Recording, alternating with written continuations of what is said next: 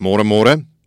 Ek sien die regering het nou wakker gespring oor die probleem wat hy het met uh, geboue wat onwettig beset word. Geboue wat gekaap is. Dit nou na afloop van daardie tragedie in die Johannesburgse middestad in Marshalltown waarin 77 mense dood is, verskeie ander beseer.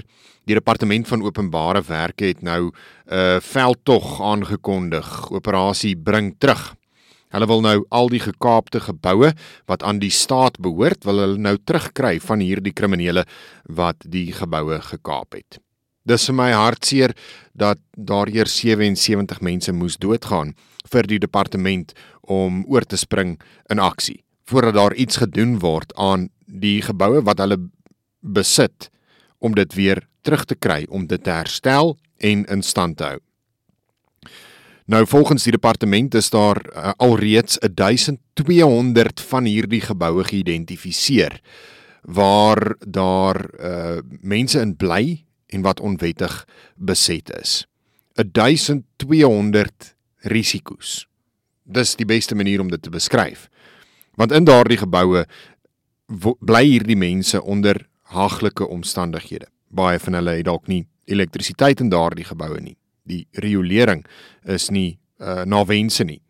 En die geboue is nie eintlik ingerig vir mense om in te bly nie. 1200 geboue oor die land heen. Die voormalige burgemeester van uh, Action SA, Herman Mashaba, het ook verlede week gesê uh, in Johannesburg alleen is daar 600 van hierdie geboue. Dis nie noodwendig net staatsgeboue nie, dis ook geboue wat in privaat besit is wat gekaap is.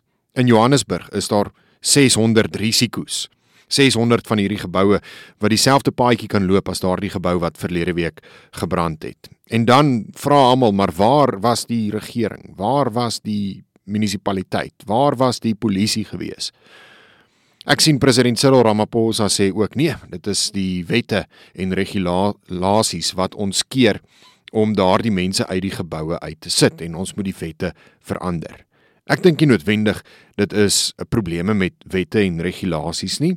Die probleem is jy het mense toegelaat om daar te bly. Jy het toegelaat dat hulle daardie gebou onwettig kan beset. Indien wet en orde gehandhaaf was en indien die polisie vroeër opgetree het en daardie mense uh vasgevat het en uitgesit het voordat hulle eintlik uh kan uh, huis maak in daardie geboue het dit nie tot hierdie situasie gelei nie. So nee, ek dink nie dit is wetgewing wat veroorsaak dat die regering nie kan optree teen hierdie mense nie daar moet baie vinniger opgetree word wanneer iemand plak.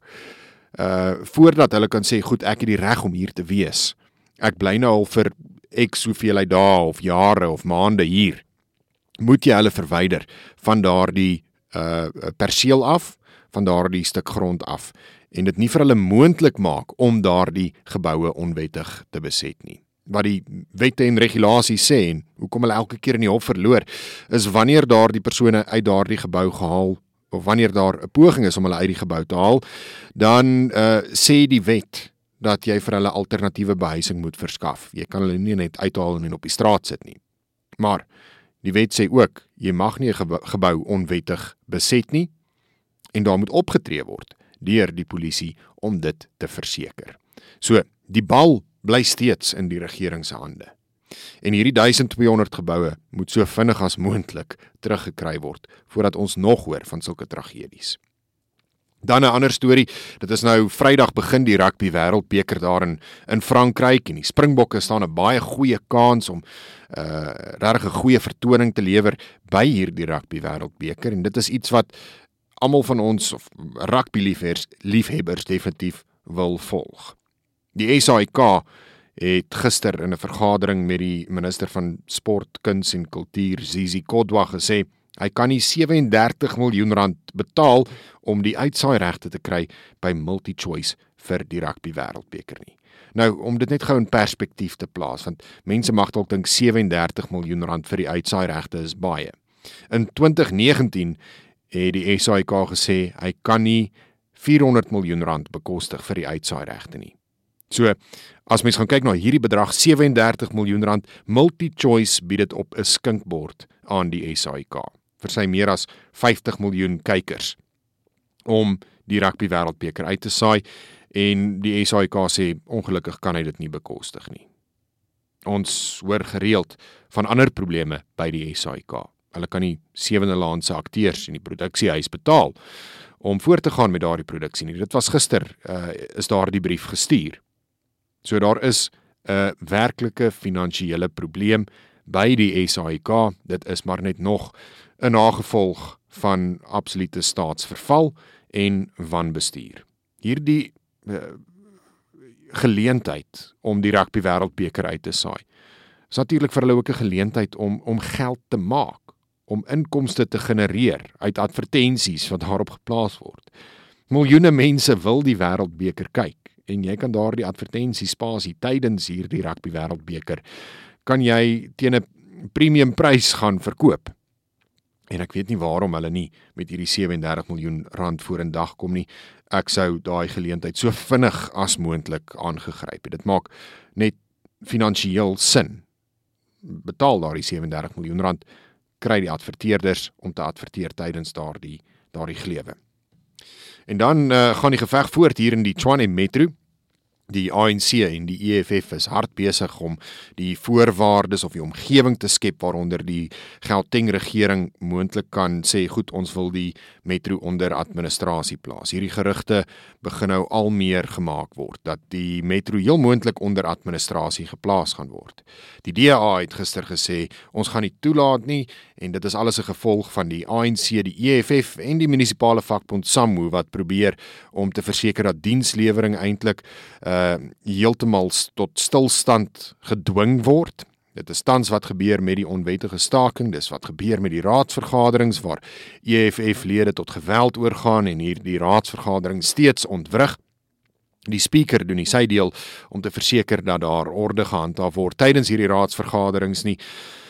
So ja, die die die omgewing word geskep definitief, maar met die klem op geskep. Dit word geskep deur die ANC en die EFF. Die Gauteng regering natuurlik 'n ANC regering, die LER verkok daar in die provinsie se uh, ANC kornuit en hy sal uh, of sy sal uh, definitief uh, dit oorweeg om die metro onder administrasie te plaas.